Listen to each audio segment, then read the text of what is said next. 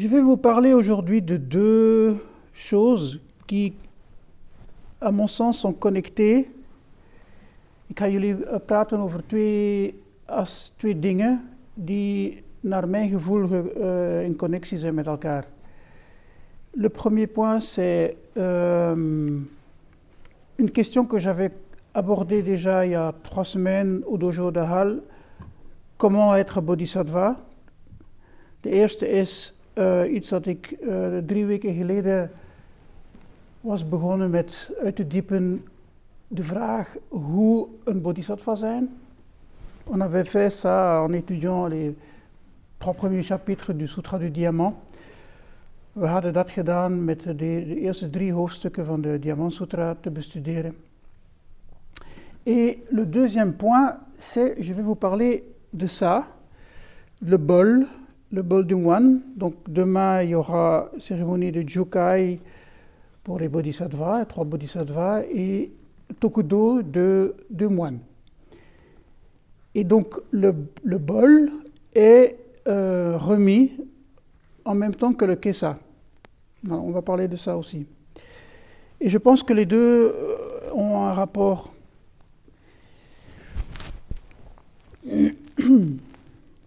Alors qu'est-ce que c'est, pour revenir sur cette question, qu'est-ce qu'un bodhisattva? Dus wat is dat eigenlijk een bodhisattva? Om terug te keren naar die vraag.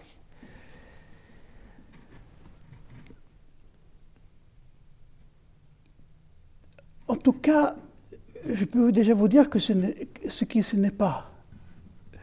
Ik ga misschien al beginnen met het niet is. Ce n'est pas un état spécial, ce n'est pas quelqu'un de spécial. Dat is niet een speciale toestand, dat is niet een speciaal iemand. Je pense que le monde est plein de bodhisattvas. Ik geloof dat de wereld vol met bodhisattvas is.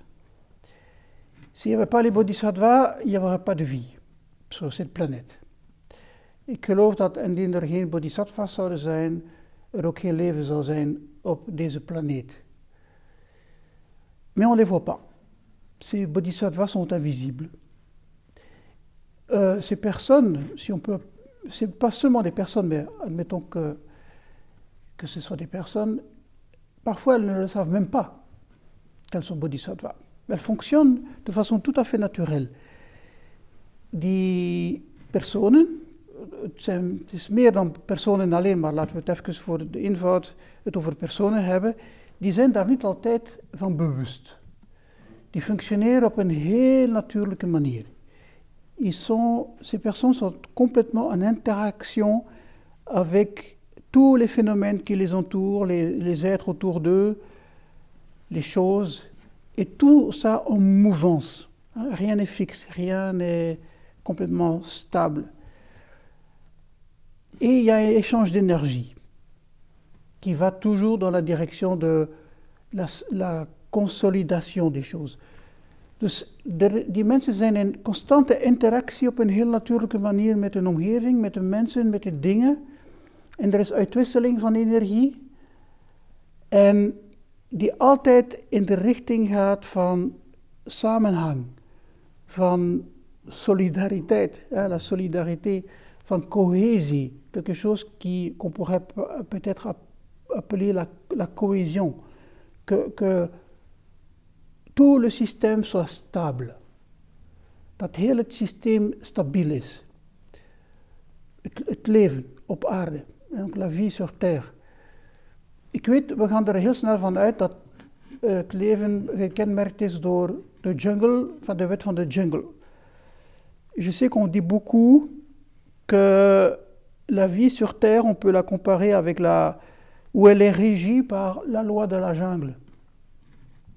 Maar we hebben daar een foute voorstelling van, van wat de jungle is. Maar je pense qu'on a une mauvaise perception de ce que c'est que la jungle. Ik denk dat die jungle, die zogenaamde jungle-wetmatigheid een, een uitvinding is van de media. Want dat komt hen goed uit. Mensen tegenover, tegen elkaar opzetten, dat zijn altijd sappige verhalen. Je crois que cette soi-disant loi de la jungle, c'est une invention des médias. euh, parce qu'en fait, ça, ça fonctionne bien dans leur, dans leur système. Hein. C'est toujours très intéressant de montrer les histoires où les gens s'affrontent les uns avec les autres. Maar indien dat waar zou zijn, dat dat de fundamentele wetmatigheid is die heel de, de wereld beheerst, dan zou het leven al lang opgehouden zijn. Mais je pense que si c'est vrai, si cette loi de la jungle où tout le monde est pour soi et les uns contre les autres, si ça c'était vraiment la loi fondamentale qui, qui, qui, soutient tout, tout ben, il n'y aurait déjà plus le système, tout simplement. Er zou lang geen, geen, uh, geen leven meer zijn. Donc voilà, je pense que cette force de compassion, d'amour, de solidarité, de cohésion, de, de maintien, c'est grâce au Bodhisattva. Et c'est une loi qui pour moi est beaucoup plus importante que cette soi-disant loi de la jungle. Dus ik denk dat die wetmatigheid, die kracht, nee, die energiekracht van cohesie, van samenhang, van solidariteit, van mededogen, van liefde, van, van samenhang, heel veel sterker is dan de individuele krachten die de mensen de een tegenover de elkaar, tegenover de ander uh, opzet. Mais voilà, ces gens, ils sont invisibles. Ils n'ont pas besoin de rituels, ils n'ont pas besoin de préceptes, ils n'ont pas besoin de faire zazen. Heureusement, voor hen. Uh, dus die mensen hebben geen rituelen nodig, hebben geen voorschriften nodig, hebben geen zazen nodig. Ah, gelukkig voor hen. Hè. Euh, voilà, chacun fonctionne. Et nous, nous, on a besoin de ça. On a besoin du zazen, on a besoin des rituels, on a besoin des préceptes, euh, d'une guidance, etc. Dus wij hebben dat wel nodig. We hebben rituelen nodig, we hebben onze zazen nodig, we hebben de voorschriften nodig, we hebben een gids nodig. Et pourquoi c'est comme ça Parce que je crois qu'on a la tête dure. En waarom is dat zo? Omdat we, ik denk dat we nogal een harde kop hebben. Uh, on est têtu. Um, we zijn koppig. On n'a on a pas toujours la possibilité de, d'être dans cette mouvance continuelle avec tout et en mouvement. We hebben niet altijd die neiging om ons in te bedden in die steeds wisselende interacties die er zijn met alles en iedereen rondom ons. On, on, on résiste parfois à ça, parce qu'on veut se protéger. We, we, we, we gaan weerstand bieden daartegenover, omdat we onszelf willen. Ja, we denken dat, dat we onszelf beschermen daarmee. On pense qu'on se protège, mais je crains plutôt, et je pense que chacun d'entre vous le, le euh, que ce n'est pas en se renfermant sur soi, sur son ego, sur ses opinions, sur ses caractéristiques, sur euh, nos convictions, etc. C'est pas ça qui nous fait grandir. Ik denk dat iedereen van jullie dat wel heel duidelijk ervaren. Het is niet die terugplooi op zichzelf, op het ego, op onze opinies, op onze overtuigingen, op onze karakteristieken, dat is niet dat die ons doet groeien. Dat voelen we. Je pense que tout le monde de, vous ressentez ça. Je pense que ch chacun de nous ici, on est bodhisattva. Mais plus ou moins euh, euh, avec de conscient ou pas conscient de ça. Ik denk dat we allemaal bodhisattvas zijn, maar alleen zijn er verschillende gradaties van bewustzijn hieromtrent. Donc, ce qui, moi, me, fascine dans cette histoire de Bodhisattva, c'est qu'est-ce qu'on peut apprendre de ces Bodhisattvas invisibles? En wat kunnen we leren van die onzichtbare Bodhisattvas? Dat is wat eigenlijk mij. Et euh, c'est sûr que on, apprend beaucoup en, pratiquant zazen, en faisant des sessions, comme maintenant, euh, en étudiant les sutras, en suivant maître, etc. We leren heel veel, denk ik, ben ik vanuit Zazen natuurlijk, uh, door sessions te doen, zoals we nu hier uh, bezig zijn, um, van, van de teksten te bestuderen, van een meester te volgen enzovoort. Ik denk dat dat eh, voor een stuk noodzakelijk is, c'est nécessaire de faire ça. Mais je crois qu'on a aussi beaucoup, beaucoup, beaucoup à apprendre du monde extérieur. Ik denk dat we ook heel veel te leren hebben van de buitenwereld. Et c'est cette interaction avec, c'est ça de quoi j'ai envie de parler aujourd'hui, c'est cette interaction avec le monde extérieur qui pour moi est fondamentale. Um, die, die, die interactie met de buitenwereld is voor mij van wezenlijk belang. En daarover wil ik het eigenlijk vandaag hebben. Alors, la première chose qu'on peut apprendre, c'est comment devenir invisible. Dus de eerste vraag die we die we, van de eerste zaak die we van hem zouden kunnen leren is hoe onzichtbaar worden. Et je me rappelle vaguement qu'on en avait déjà un peu parlé à la Séchine à Rixensart euh, au mois de septembre. We hadden daar denk ik al een klein beetje over gesproken op de Séchine à Rixensart, où j'avais parlé que la pratique, ça consistait à de plus en plus s'effacer. Ik had daar gesproken over het feit dat er beoefeningen erin bestaat om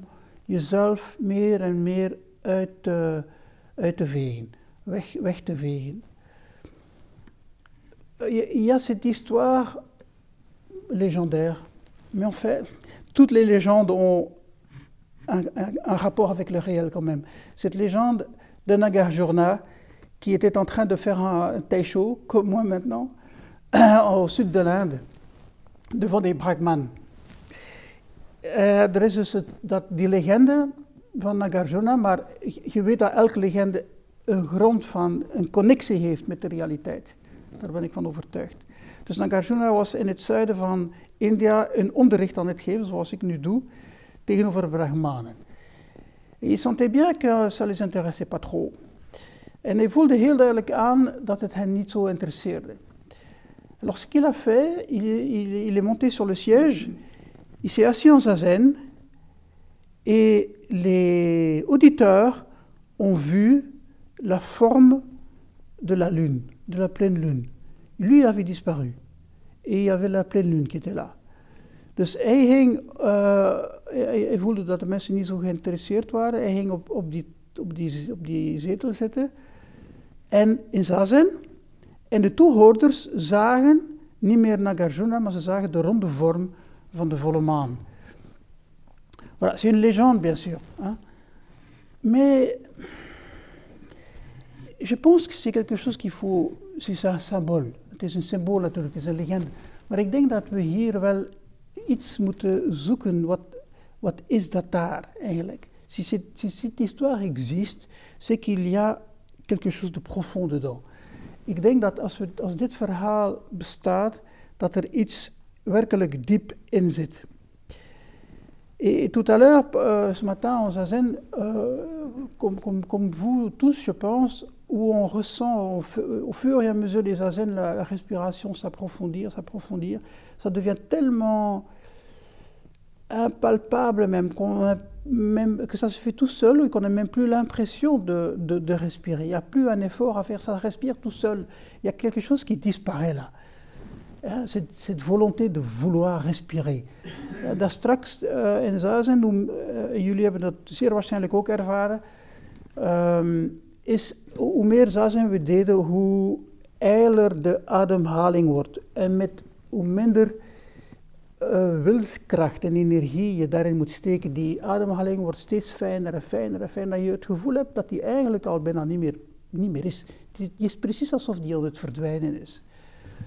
C'est sûr qu'elle ne disparaît pas complètement, cette respiration, mais la sensation de la respiration qu'on est habitué quand on, euh, respire consciemment, cette façon de faire, ça s'efface petit à petit.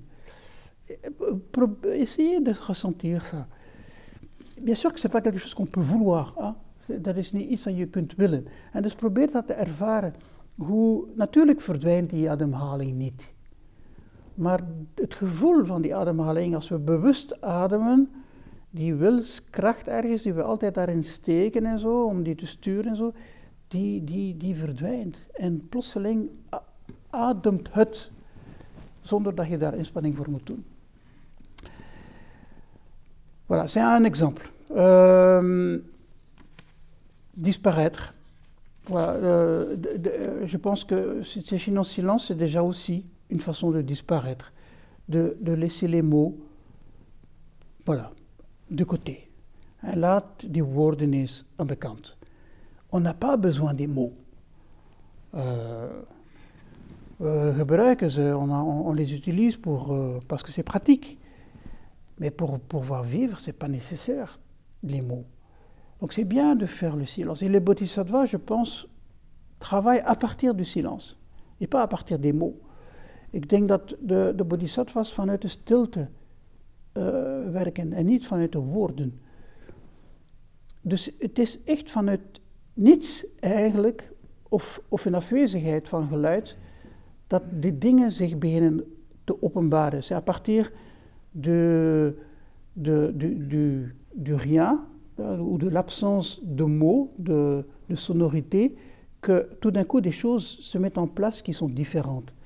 Et c'est ça ce qu'on devrait essayer d'être, de, ressentir. En dat is waar we gevoelig voor zouden moeten kunnen worden. Une dernière chose, pour moi, le bodhisattva, c'est aussi celui ou celle qui ne laisse pas de traces de ses actions. Eh, de bodhisattva voor mij is ook diegene die geen sporen nalaat. Vanuit het ego, à partir de l'ego, on a toujours cette envie de voilà, d'affirmer notre présence. Voilà, là, je suis là de mettre un tampon, pof, sur les choses, sur les gens, sur les situations. Voilà. Conrad, il est passé par ici. Boom, boom. Ehm, eh, dus vanuit ons ego hebben we zo de neiging om altijd onze stempel drukken op de dingen, op de mensen, op de situaties. Conrad is hier langs geweest en hij heeft zijn stempels daar overal neergezet en die sporen kun je volgen. En toutes ces traces, on peut les suivre. C'est terrible, ces traces. Dat is iets verschrikkelijks eigenlijk. C'est, toujours cette volonté de, de, de, de manipuler, de, de, de, de dire voilà, moi je, et puis de, de mettre ça encore en plus sur les choses. Ehm, dat is echt, echt eh, schrikwekkend, vind ik, die, die neiging altijd om ik, ik, ik te zeggen. En bovendien nog die ik met een stempel op de dingen te gaan plaatsen. De bodhisattvas doen dat niet. Les bodhisattvas ne, ne sont pas du tout dans cette logique-là. Et donc, euh, voilà, ils, ils n'essaient pas d'influencer de façon volontariste, de façon consciente. En de bodhisattvas willen niet op een voluntaristische manier beïnvloeden, ehm, op een, ja, van, vanuit het ego. Dat is echt niet hun, hun ding. Voilà, dus in één woord, en, en un je dirais, le bodhisattva, c'est lui qui s'harmonise complètement, lui ou elle, qui s'harmonise complètement, qui devient complètement transparent dans les situations. C'est pour ça qu'on ne les voit pas.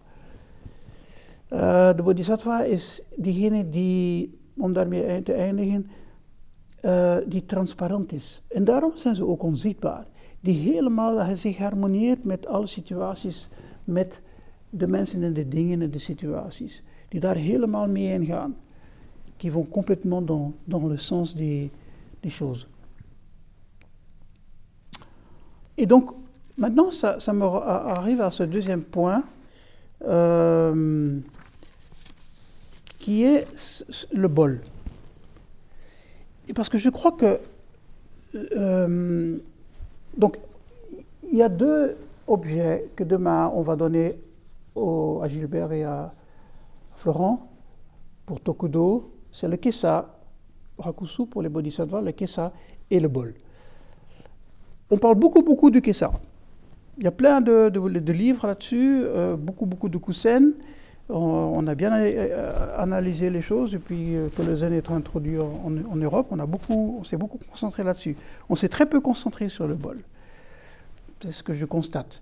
Dus morgen bij de Tokudo-wijding van Florent en van Gilbert gaan we twee belangrijke objecten geven. De kesa, rakusu voor de bodhisattva, de kesa en de, de kom voor de, de monnik. We hebben de kissa heel nauwkeurig bestudeerd de laatste 50 jaar, sinds dat de zen in Europa is geïntroduceerd, maar we hebben heel weinig de kom bestudeerd. Alors que c'est simple. Dans, dans j'ai pu observer ça dans les monastères au Japon, là où le moine dort, c'est dans le dojo, il a, un tatami, 2 mètres sur 1, il a une petite armoire où il met ses affaires personnelles, il, met le kessa sur l'armoire, et au-dessus, il y a le bol qui pend en een haak. Il pend à un crochet. Dus ik heb dat kunnen observeren in, in traditioneel in de kloosters in Japan. Dus de monniken slapen in de dojo, hè, op een tatami van 2 meter op 1 meter. Ze hebben een kastje met een futon, een persoonlijke spullen. Daarboven de kessa en daarboven de kom. Dat hangt aan een haak. Donc c'est il n'y a pas vraiment une hiérarchie, mais il y a quand même quelque chose là derrière, je pense. C'est le fait que c'est le bol qui est vraiment. Voilà. Il faut faire attention que tombe pas. Donc il faut bien fermer le nœud. Dus je moet zorgen dat het niet valt. En dus moet je die knoop hier goed vastmaken. Want dat is aan die knoop dat het hangt, eigenlijk. Mais c'est quoi ce bol D'où ça vient Van waar komt die kom? Van waar komt het? Uh, wel ja, Boeddha is, de, oorspronkelijk is dat Boeddha natuurlijk, die uh, elke dag na zijn ontwaken en met zijn discipelen ging bedelen in de, in de dorpen en in in de stad waar, waar ze aanwezig waren, in een kom. En hij kreeg voedsel en hij gaf onderricht. Donc, euh, l'origine, ça, remonte à Bouddha et c'est peut-être même encore plus ancien que ça. Euh, après son éveil avec ses disciples, sa petite sangak, d'abord petite et après ça, a grandi. Euh, tous les matins, après le zazen du matin, il va dans le village ou la ville où il est avec le, bol pour recevoir les aumônes. Hein, il fait un enseignement, il reçoit. Ça symbolise le rapport avec le monde. Dat symboliseert uw relatie tot de wereld, tot de anderen. C'est vraiment ça le bol. On vit grâce au fait qu'on reçoit quelque chose dans le bol pour manger, pour se nourrir. C'est un acte fondamental. Dus je, je, je krijgt in de kom het eten, zoals we dat hier doen. Het is een fundamentele daad, hè, zich voeden. Hè, dat is belangrijk. Dus het passeert via de kom en dan eet je. Donc ça, ça passe tout. Dans le sutra euh, du repas, on, a les cinq contemplations où, il y a une phrase qui dit Et nous avons maintenant une pensée, je ne sais plus littéralement, pour tous ceux qui ont contribué à cette nourriture qui est là dans mon bol. Dus in de, de vijf contemplaties en de maaltijdsutra is er een zinnetje dat zegt, uh, niet letterlijk, uh, we hebben nu, we, hebben, we schenken aandacht aan al diegenen die een bijdrage hebben geleverd voor deze voedsel, hier in mijn kom. Si on commence à réfléchir là-dessus, c'est gigantesque.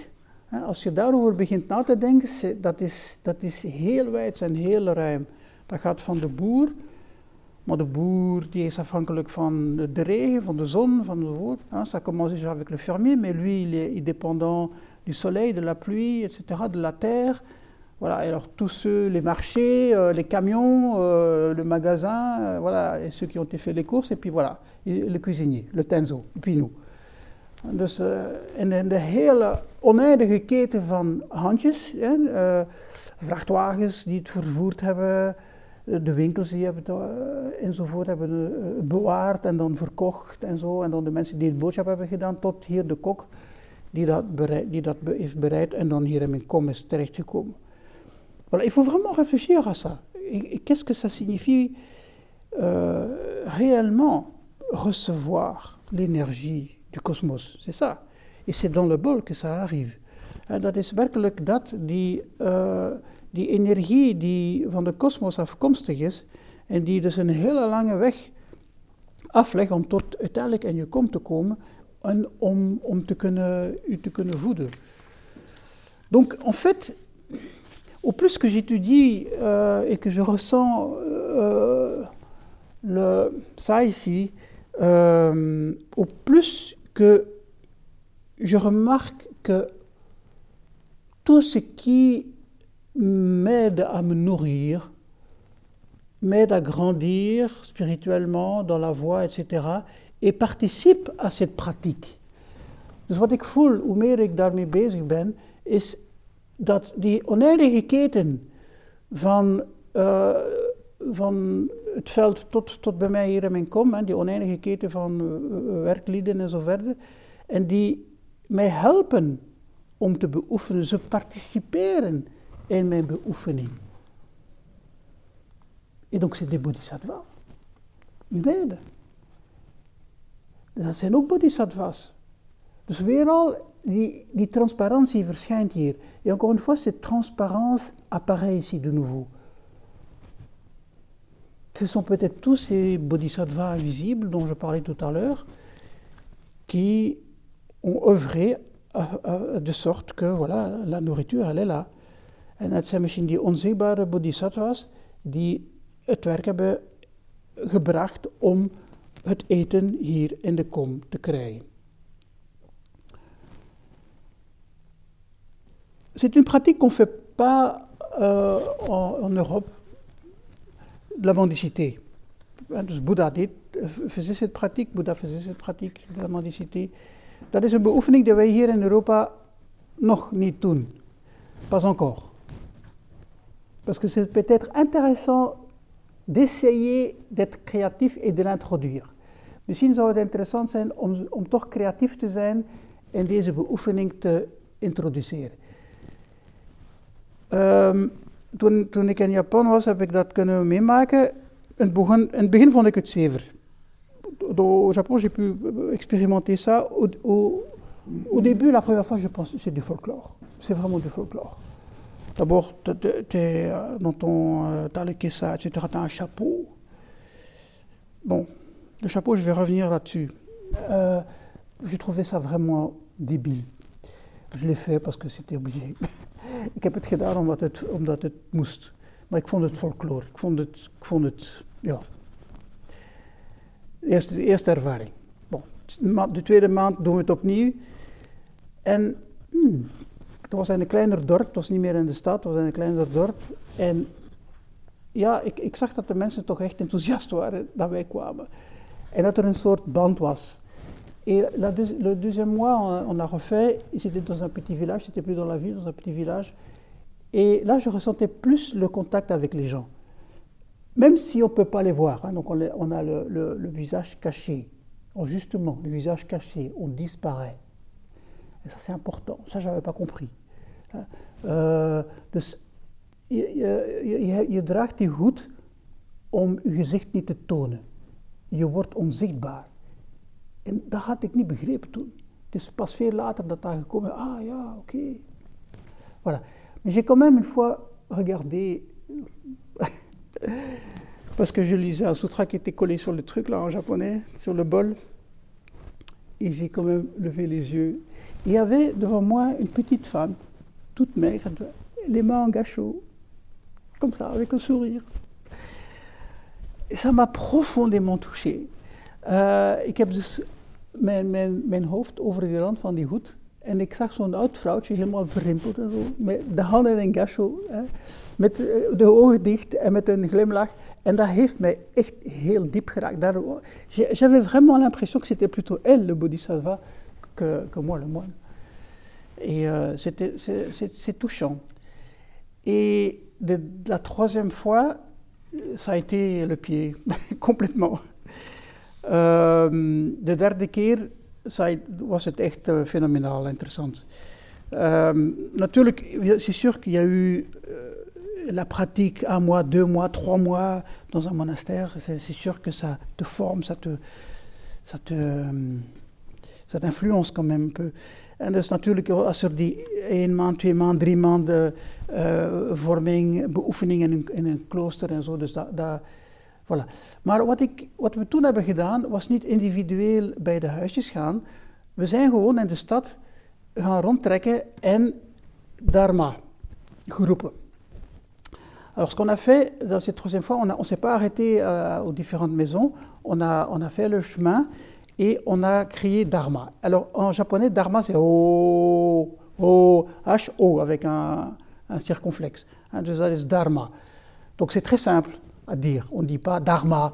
Dharma, il y a deux, deux c'est O.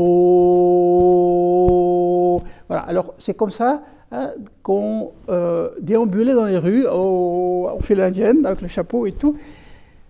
Et on est parti dans un trip, mais c'était vraiment. Euh, enfin, oui, c'est euh, comme. Comment, enfin, oui, un, concert rock'n'roll, quoi. Pour moi, c'était vraiment ça, quoi. partout où on allait, on était le Dharma.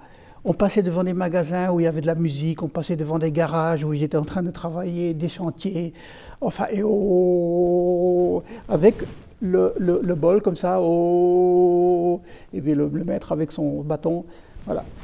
Um,